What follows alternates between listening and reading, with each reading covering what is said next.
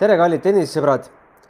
see kurb päev äh, Eesti tennisistide jaoks äh, hakkab äh, Austraalias õhtusse jõudma, mõned mängud veel kestavad, aga tõepoolest siis täna Anett Kontaveit ja Kaia Kanepi pidid reketid Austraalia Openi kolmandas reket, kolmandas ringis kahjuks pakkima. Kaia kaotas settidega üks-kaks Donna Vekicile ja Anett Kontaveit siis peaväljakul õhtuse programmi esimeses mängus Shelby Rogersile neli-kuus, kolm-kuus. minu nimi on Gunnar Leheste ja võtame täna selle tennisepäeva kokku koos Riho Kalluse ja tennisetreeneri Rett Reimaliga. tere teile. tervitus. tervitus.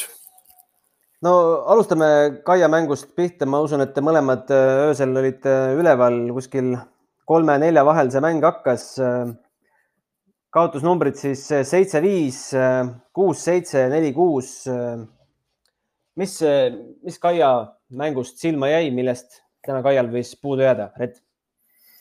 no ütleme nii, et mis puudu jäi, raske nüüd kohe otseselt öelda, et mis nüüd nagu päris otsustavaks sai, aga, aga tegemist oli hästi sellise ühtlase ja võitlusliku vastasega, kes tegelikult jätab väga-väga sellise soliidse mulje, et on, tal selgelt nõrka kohta ei olnud väga agressiivselt mängis Vekic üllatavalt, et ta ka Kanepi-suguse mängija vastu suutis, suutis Kanepi tegelikult surve alla panna kõvasti, mis äh, ei ole väga tavaline, kui Kaia mängib. ja Kaial võib-olla oli niimoodi, et ütleme, esimene sett, ma seda mängu jälgisin otsast lõpuni, et esimene sett äh, läks siis servide hoidmine vastastikku ja, ja siis seal ütleme siis kuus-viie peal mängis siis Vekic ühe veidike ebakindlama game'i, kus ta siis tegi kolm lihtviga tegelikult oli täiesti võrdne esimene seit, mõlemalt poolt äh, head servimised, hea esimene, hea teine serv, mõlemad servisid stabiilselt ja lihtsalt seti lõpus oli veidike ebakindlam Vekic. ja teise seti alguses äh, läks, äh, ühesõnaga tekkis, mulle tundus seal teise seti keskpaigas oli selline huvitav hetk, kus mulle tundus, et kas siis Kaia oli võib-olla veidike veidike muutus ebakindlaks ja veidike emotsioonid said võimust, et, et natuke liikumine oli tal häiritud, kuigi ta on praegu väga heas füüsilises konditsioonis, liigub väga hästi. Eh, aga ta seal teise seti keskpaigas tundus kuidagi, et liikumine läks veidi sassi, liikumise koordinatsioon ja võib-olla siis nagu muutus veidike ärevaks, raske öelda mulle tundus, et võis veidi olla selline väike mentaalne kõikumine tal tekkis, väike selline ebakindlus ja seal need vahed on nii väiksed, et see võis juba sellesse mängu pöörde tuua. ja teise seti lõpp oli, teise seti lõpp kukkus natukene ise ära seal äh, tiebreak'is. no aga tuli otsustavas väga hästi mängu tagasi ja olid täiesti võrdsed võimalused mõlemalt poolt, et mängu tase oli väga kõrge ja, ja kui Kaia võib-olla päris täna lõpuni oma kõige paremat mängu ei mänginud, siis ta mängis ikkagi äh, väga soliidse esituse tegi, väga heal tasemel mängis ja seal oli, nagu me teame, matšpall ka aial. ja matšpalliga oli ka selline lugu, et tegelikult äh, väga hästi tuli kolmandas setis mängu tagasi, andis endale võimaluse ja matšpalliga on lihtsalt selline lugu, et reaalselt äh, sealt edasi need kolm punkti selle game'i lõpuni mängis Vekic briljantselt. servis hästi ja lõpetas kõik kolm punkti reaalselt winneritega et seal ei saa ette heita mitte midagi selle koha pealt, et oleks seal midagi, kas jätnud võimaluse kasutamata või midagi sellist, et seda ei olnud seal. nii et no, hea mäng. otsa vaadates ähm, Kaialt nelikümmend kuus äralööki ja nelikümmend neli lihtviga, vastasel kolmkümmend kaheksa ja kolmkümmend neli. no kümme lihtviga rohkem, äh, Kaia, kas äh, need võisidki otsustavaks saada? no võis jah, see kõik, selle võib panna mingis mõttes teatud hetkedel sellise hetkelise ebakindluse arvele et äh, võib-olla ta ei mänginud tavapärast sellist äh, enesekindlat mängu, mida me oleme nüüd kaks nädalat tema esituses näinud, võib-olla kogu aeg.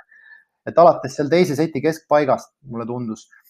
aga tuleb ka arvestada sellega, et äh, noh, eks juba on mänge all, on väsimust, tuleb arvestada sellega, et tegemist on selliste ringidega juba, kus on pinged teised ja Kaia, me teame ju Austraalias polegi neljandasse ringi jõudnud ennem muidugi ka Vekic polnud jõudnud. et äh, kõik need asjad mängivad ka mingil määral rolli ja, ja fakt on see, et pinged olid mõlemal üleval ja täna võib-olla siis nõks paremini tuli nendega äkki toime siis Vekic, et Vekic mängis supermängu tegelikult.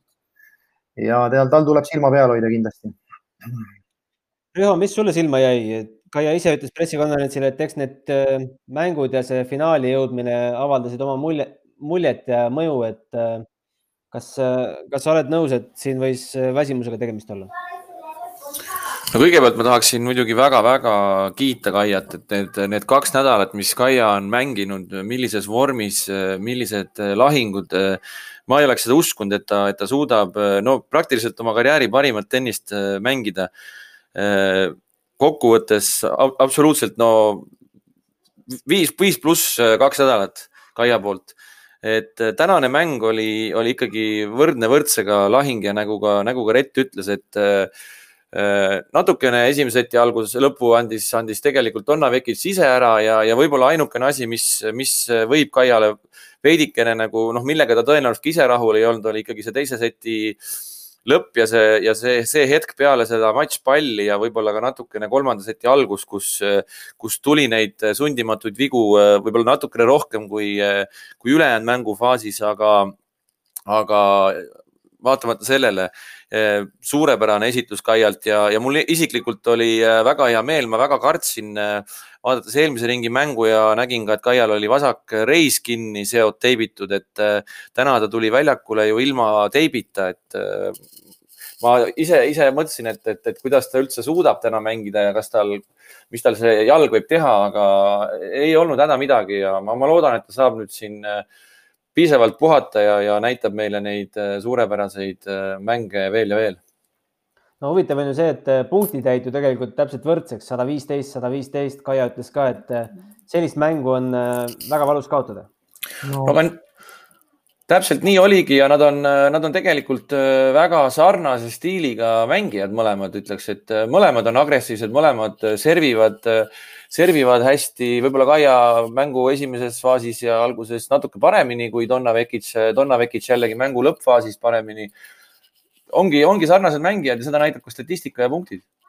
no seal ma lisaks jah, ma toetan Rihot sada protsenti. ma toetan Rihot sada protsenti selles osas, et, et Kaia on väga heas konditsioonis, esiteks kindla, kindlasti Indrek Tustit on väga head tööd teinud temaga füüsilise ettevalmistuse koha pealt ja teame ise, kui pühendunud sportlane Kaia on läbi karjääri olnud Äh, kui palju ta näeb vaeva äh, praegu selles karjääri hilisemas staadiumis enda konditsioonis hoidmisega ja mm, Kaia on ise selles suhtes supertööd teinud. ja lisaks noh, on näha väljakul, kohe on näha, kuidas ta kaitses on paremini mängima hakanud, kasutab lõikeid väga oskuslikult, äh, mängib väga osavalt, kusjuures ka võrgus ja, ja tõesti siin erinevate tennistreeneritega olen ka suhelnud ja enamus on sellisel arvamusel, et kui Kaia küll ise ütles, et niimoodi on raske öelda, kas ta on elu parimas vormis, sest lõppude lõpuks vanust on ka ju.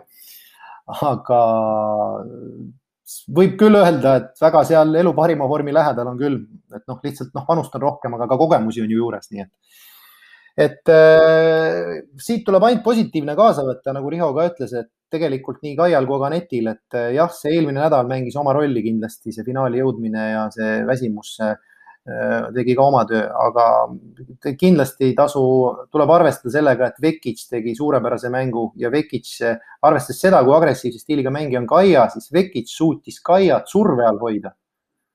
see juba, see juba räägib selget keelt, mis mängijaga tegemist on. aga mis tegelikult Kaia puhul, ma loodan, et jääb ikkagi domineerima sellel, sellel Australian Openil ja mille poolest teda mäletama jäädakse, on ikkagi see teine, teise ringi võit Sofia Genini üle no see ei olnud mitte kellelegi üllatus, Genin tuli juba väljakule üsna, üsna loiu ilmega ja paljud on öeldud, et eks ta kaotas selle juba enne, kui väljakule astus. no me ei jõudnud eil, eelmine kord, kaks päeva tagasi peale seda tennisepäeva siin kuidagi kokku saada, aga, aga milliseid emotsioone tekitas siis Genini võit? Rett, Rett ja Riho mõlemad no ma ütleks alustuseks, proovin lühemalt siis Riho saab oma arvamust juurde öelda selle koha pealt, et, et seda mängu ma nägin ka mitte otsast lõpuni, aga suures osas nägin, et, et jah, arvan, et mängis oma rolli, nagu Genin ütles, et esiteks see, et ta tiitlikaitsjana esiteks ei tulnud nende pingetega piisavalt hästi toime. Ja ta teadis juba ette, et kellega tal tegemist on ja, ja Kaia on, oli, on heas vormis, ta realiseeris oma selle vormi selles mängus ja ja natuke Genini stiil sobib ka Kaiale, ma arvan. pluss Kaia tunnistas ise, et ta servib väga harva nii hästi nagu tal sel päeval õnnestus. nii et seal kõik need nagu asjaolud langesid väga hästi Kaia jaoks kokku. nii et selles mõttes äh, seda ei saa, ma arvan, isegi väga suureks üllatuseks pidada tegelikult antud olusid silmas pidades. kümme-üks ässad, ma lihtsalt vahemärkusena ütlen jah, mina Teema. vaatasin, vaatasin ka selle mängu algusest lõpuni ära ja, ja need on kaks täiesti erinevat äh, mängu kahtlemata, sest et äh, matš äh, Sofia Genini vastu oli selline, kus, kus praktiliselt mängus ei olnudki sellist hetke, kus Kaia oleks tõeliselt lasknud Sofia Genini üldse mängu, et oleks sellist, no midagi, midagi sellist tekkinud, kus oleks võrdne moment kasvõi olnud, et see oli ikkagi väga tennise mõistes ikkagi teerulliga ülesõitmismäng, et äh, praktiliselt matši algusest kuni matši lõpuni. et noh, fakt oli see, et äh, Genin ise jah, kas nüüd kaotas enne mängu selle ära või mis iganes mängu ajal, aga, aga fakt oli see, et mentaalselt ta ei tulnud selle olukorraga toime. pluss Kaia väga hea mäng, et sellepärast oligi nii ühepoolne.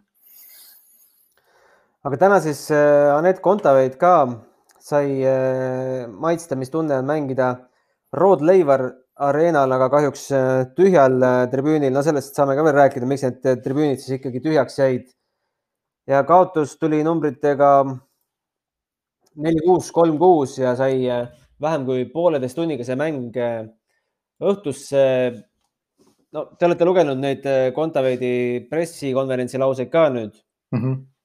et väga selgelt tunnistas, et eh, need lõpuks nüüd eh, need kaks nädalat, mis ta täiesti toas istus ja ilma treenimata, õues treenimata, toas küll natukene midagi sai teha, aga hakkasid tunda andma ja oli, vist luges praktiliselt kõik kehaosad pöidlast varvasteni ette, mis ta kõik seal tundis ja mis eh, häda juba teevad, et ja huvitav statistiline fakt, ma ise seda ei teadnudki, et umbes nendest kahekümnest naisest, kes sellel Champions Trophy turniiril olid sunnitud osalema ja ehk siis äh, istusid selles rangemas karantiinis vangis.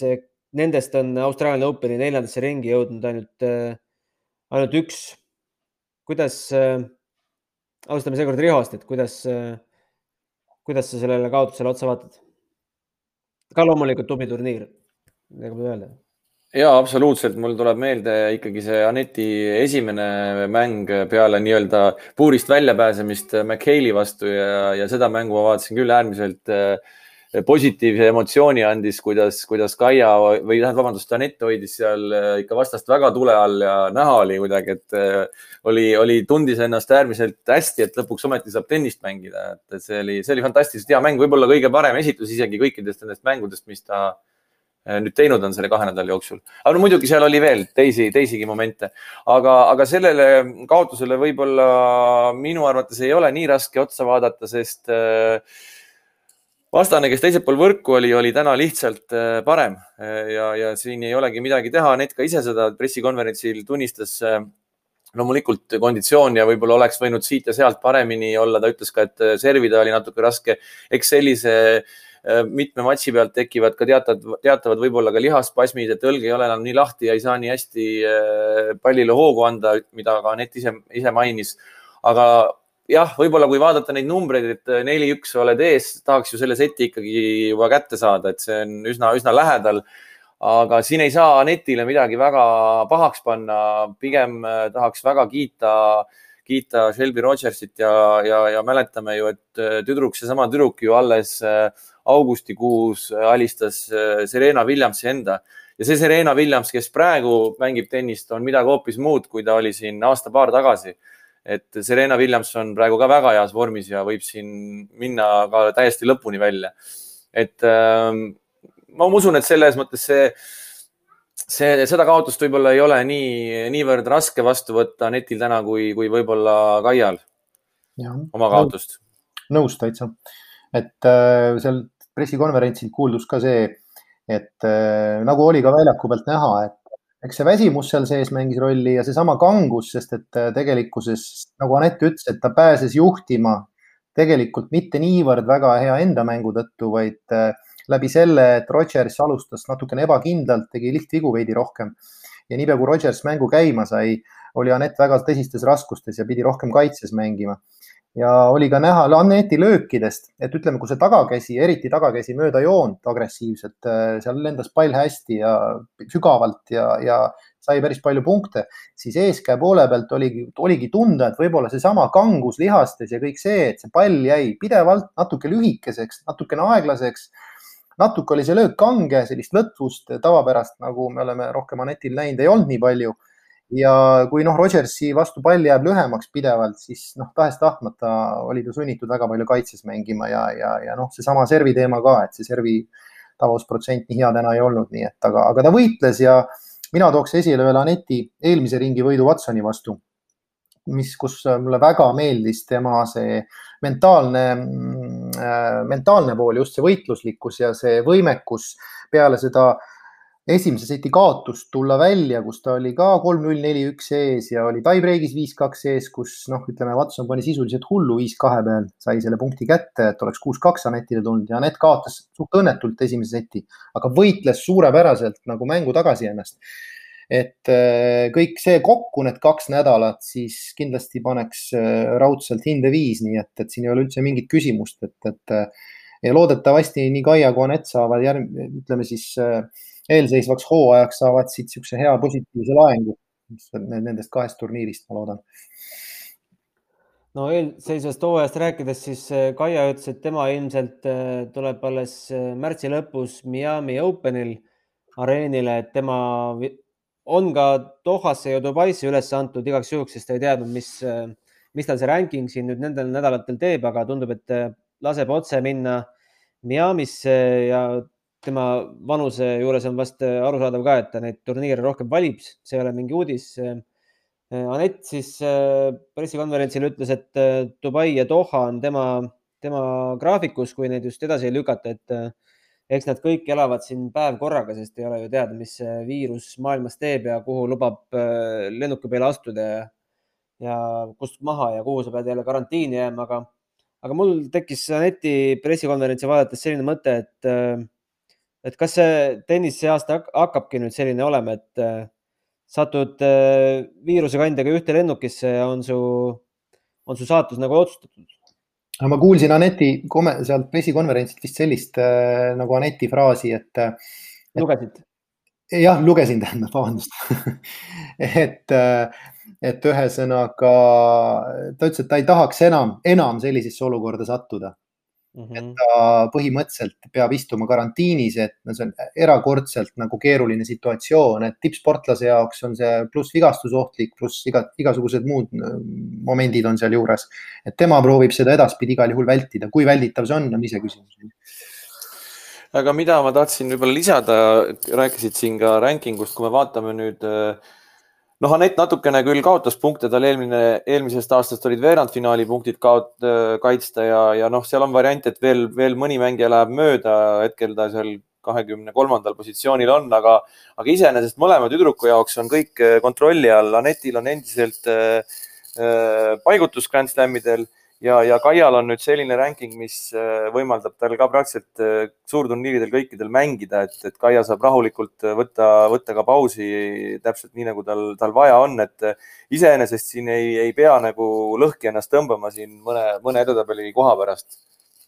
nojah, see just need kaks nädalat olid Kaia jaoks väga olulised praegu selles mõttes, et ta sai oma edetabeli kohta märgatavalt parandada, eks ta nüüd ka tõus, tõuseb ju lisaks seal, need Austraalia punktid tulevad ju ka veel juurde talle, nii et jah, Austraalia punktidega praegu ta on kuuekümnendal positsioonil.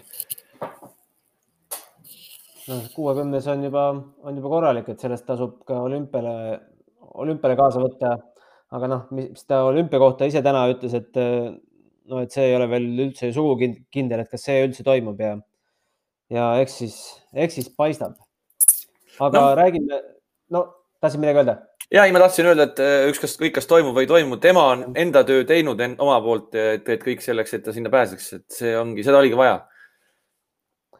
aga turniiril juhtus ju eile hoopis eriskummalisi asju, et ma pole sellist tennisematši näinudki, kus äh, võib-olla ajaloos on kuskil äh, seal enne esimest või teist maailmasõda toimunud, et publik Äh, aetakse välja keset äh, suurepärast viiesetilist lahingut. Äh, Novak Djokovic ja Taylor Fritz said siis tunda Rod Laver Arenal eile õhtul, kui kell kukkus kakskümmend kolmkümmend, kakskümmend kolm, kolmkümmend, pidid kohalikud minema kodudesse teki alla, sest kakskümmend kolm, viiskümmend üheksa hakkas kehtima eriolukord seoses, seoses väikse viirusepuhanguga seal, mis sai alguse Melbourne'i lennujaama Holiday Inn karantiini hotellist ja kolmteist on siis see number, mis tekitas äh, Victoria osariiki äh, üldise lockdowni viieks päevaks. võib-olla leevendatakse seda, kui siin numbrid rohkem ei kasva. aga hetkel on siis viis päeva selline seis ja ma ei tea, vaatasite seda mängu mm.? Ja mina vaatasin, mina vaatasin seda mängu ja, ja, ja see oli loomulikult äärmiselt kummaline mäng Äh, Taylor äh, Fritz oli ju kaks-null settidega taga ja kolmandas setis Novak Djokovic ka pärast pressikonverentsil ütles, et ta oli ikkagi väga-väga lähedal sellele, et, et minna ja see käsi ära suruda. ma parandan sind, pressikonverentsi ei olnud, ta, laused edastati lihtsalt ajakirjanikele, sest ta äh, Sorry, me, sorry, kas see mitte pressikonverents, vaid see oli peale mängu intervjuu, mida, mida ma vaatasin. Ja, ja live intervjuu, mida ma vaatasin, mitte pressikonverents, jah, jah. Et äh, ta ise tunnistas ka, et ta oli väga-väga lähedal äh, sellele, et ta läheb ja surub käe ära ja noh, praktiliselt ta kolmas-neljas sett ju ütles, et ta ainuke asi, mida teha sai, oli servida, et äh, ülejäänud oli, ülejäänud liigutused olid kõik väljaku peal halvatud ja, ja, ja see, see võib-olla ühel hetkel mängiski kätte ka Taylor Fritzile, et ta noh, see on alati, see on alati väga keeruline, väga raske, kui sul vastane on vigastatud, aga sa pead mängima endiselt nii, nagu sa mängid. ja juhtuski see täpselt, mis tavaliselt juhtub, et äh, viiendas setis Novak Djokovic tundis ennast natukene paremini ja see valu ei andnud enam nii palju tunda. aga siis oli teine mees juba halvatud ja, ja, ja kuus-kaks otsustav sett äh, Djokovicile, aga, aga loomulikult suur küsimärk on, mismoodi tema astub äh, väljakule neljandas ringis äh, äh, Miloš Raonitsi vastu ja kas üldse Novak Djokovic äh, saab seda turniiri jätkata? ma vahetan teil, vahendan teile uudiseid, võib-olla te ei ole veel lugenud Eurospordist, just nägin pealkirja, et, et täna see trenni jättis vahele, ootab, läheb täna veel uuringutele või juba käis ära, igatahes ta ootab uuringu tulemusi ja siis, siis langetada otsus. aga seal oli, selles mängus oli ju ikkagi, see on ikka väga hea näide sellest, et kui tugevad, ütleme siis need maailma absoluutsed tipud vaimselt on, et noh, tegelikult see reaktsioon ka peale mängu lõppu, seda mängu niimoodi pingsalt ei jälginud, ma mingeid episoode nägin, aga nii nagu ka nägijad mulle kirjeldasid, kes nägid mängu, siis reaalselt ikkagi see vaimne tugevus ja see reaktsioon peale mängu lõppu, et kui oluline tema jaoks oli tegelikult see mäng ikkagi lõpuni mängida ja üritada sellest situatsioonist tulla välja et see on tegelikult meeletu test ja ta oli nagu Grand Slami võitja peale seda mängu mhm. et noh. arumeele oli jah. ja et see, see on tegelikult noh, kus ühe sportlase, tippsportlase jaoks kõige suurem väljakutse, üks suuremaid väljakutseid üldse, mille, mille ta suutis ületada tegelikult, nii et, et see on nagu hea mhm. näide ka noorsportlastele, et nagu ei ole sellist olukorda, kust ei ole võimalik välja tulla tegelikult mm. -hmm. ega nüüd kõik ootavad pikisilmi, mis Djokovic teeb julgete praegu öelda, et äh, kui ta nüüd ikkagi tuleb läbi kuidagi vigastuse selle siia mängu tagasi, et kas ta, kas ta on endiselt selle turniiri suur favoriit? enam mitte kindlasti, ma arvan. no ma ikkagi isegi, isegi enne turniiri oleks ikkagi äh, sellesse nii-öelda favoriitide, no praktiliselt peaaegu noh, õrnalt favoriit, aga tegelikult ikkagi Rafael Nadal ja Danil Medvedev, no praktiliselt ühel pulgal Djokovic'iga ja nüüd on kindlasti nendel kahel mehel see favoriidi koormat natuke rohkem kanda kui, kui Novak Djokovic'il. no Danil Medvedev täna Krainovitši vastu madistas, pikk see nüüd oli, kolm tundi ja kuus minutit näitab mul äh, flash score, et äh, viimane set küll kuus-null. Äh, jätab teile praegu Medvedev veenva mulje ma ei ole äh,. ei vaadanud seda mängu täitsa. vabandust, räägi. ei, ma, ma ütlen nii, et ma ei ole palju näinud ta mänge, aga nii palju, kui ma nüüd jälginud olen, siis jah, teda peetakse üheks suureks favoriidiks ja ma arvan, et äh, kui tal neid viiesetilisi mänge nüüd järjest palju ei tule, siis ta on jätkuvalt väga suur favoriit, et õnneks tal täna ka on ju see, need setid ei olnud ju väga pikad tegelikult, nii et äh, et äh, ta on, ta on jätkuvalt kindlasti suur favoriit, et äh, ma arvan, et teda, teda tuleb, temaga tuleb tõsiselt arvestada. tahaksin välja tuua ühe mehe, kes minu arust on äh, siin Austraalia Openil äh, väga häid mänge näidanud ja kes on väga hea soos, on, äh, on Stefanos Tsitsipas.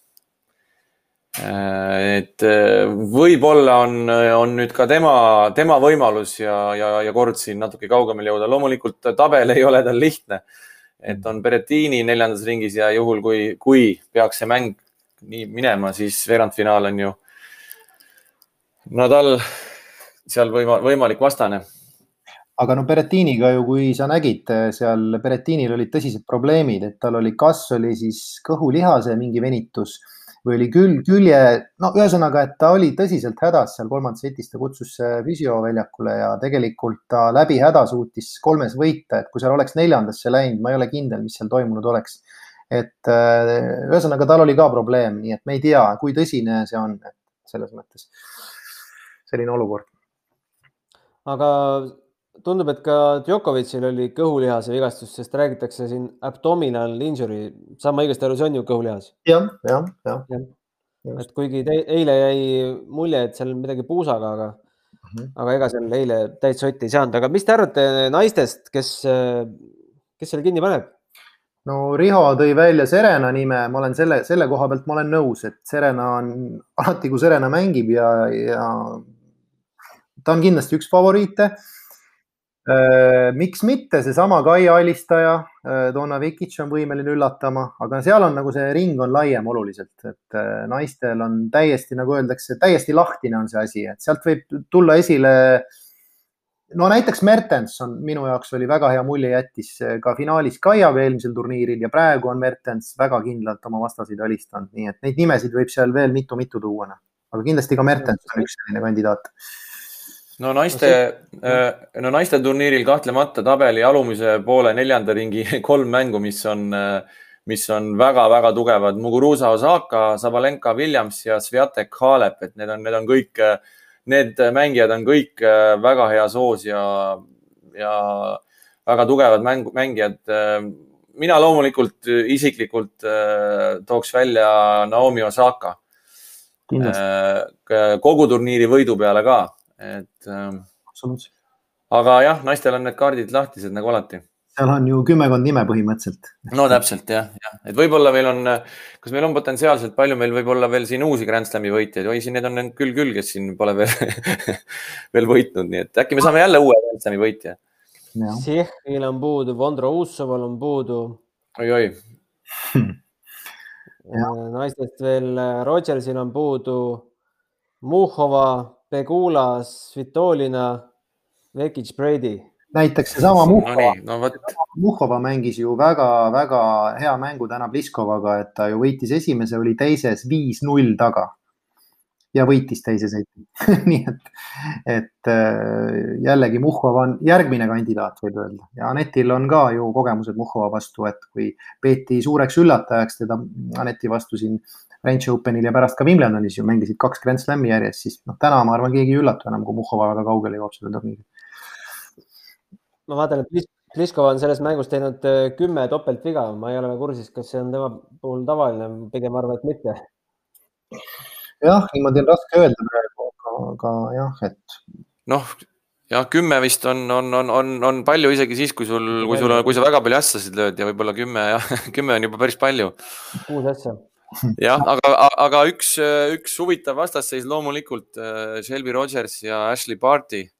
et, et väga huvitav on näha, kuidas see Shelby Rogers nüüd edasi suudab seda turniiri mängida ja kui ta, kui ta niimoodi mängib, nagu ta täna mängis Aneti vastu, siis äh, see tüdruk võib ka siit minna veel, veel edasi. muidugi no, Ashley Barty on väga raske vastane, aga. just, me ka Barty nime ei nimetanud, et Barty on järgmine kandidaat seal aga mis puudutab neid topeltvigu, siis omal ajal ju on võidetud lausa mänge, nii Kurnikova kui Šarapova võitsid mänge neljakümne viie topeltveaga, mis on teoreetiliselt võimalik, nii et, et, et lihtsalt naiste tennises, no lihtsalt see serv on, serv on nii palju arenenud naiste tennises viimasel ajal, et nüüd imestatakse kümme topeltveaga mina, mina, Rett, olen kuulnud, et on selline kombinatsioon pokkeris nagu äss, äss kuningas, Anna Kurnikova, looks good but never wins, et ma ei teadnud, et ta niimoodi no näed, noh et sealt see veel tuleb võib-olla jah. aga ma tahaksin meeste poolelt veel välja tuua sellise nime nagu Aslan Karatsev maailma saja neljateistkümnes reket lülitas konkurentsis kaheksanda paigutusega Diego Schwartzmanni eile. kuus, kolm, kuus, kolm, kuus, kolm tunni ja viiekümne nelja minutiga äh, reketid äh, pakitud. no ja ring, no ja ring varem ju oli kuus-null, kuus-üks, kuus-null Jegor Gerassimovi vastu, nii et noh, selles mõttes need, ütleme, et tal tabeli poolest äh, ühtpidi võib ju öelda, et ta, kuna ta ise ei ole asetatud mängija, siis ta sai esimesed kaks ringi sai sellised üsna head mängitavad vastased endale, onju.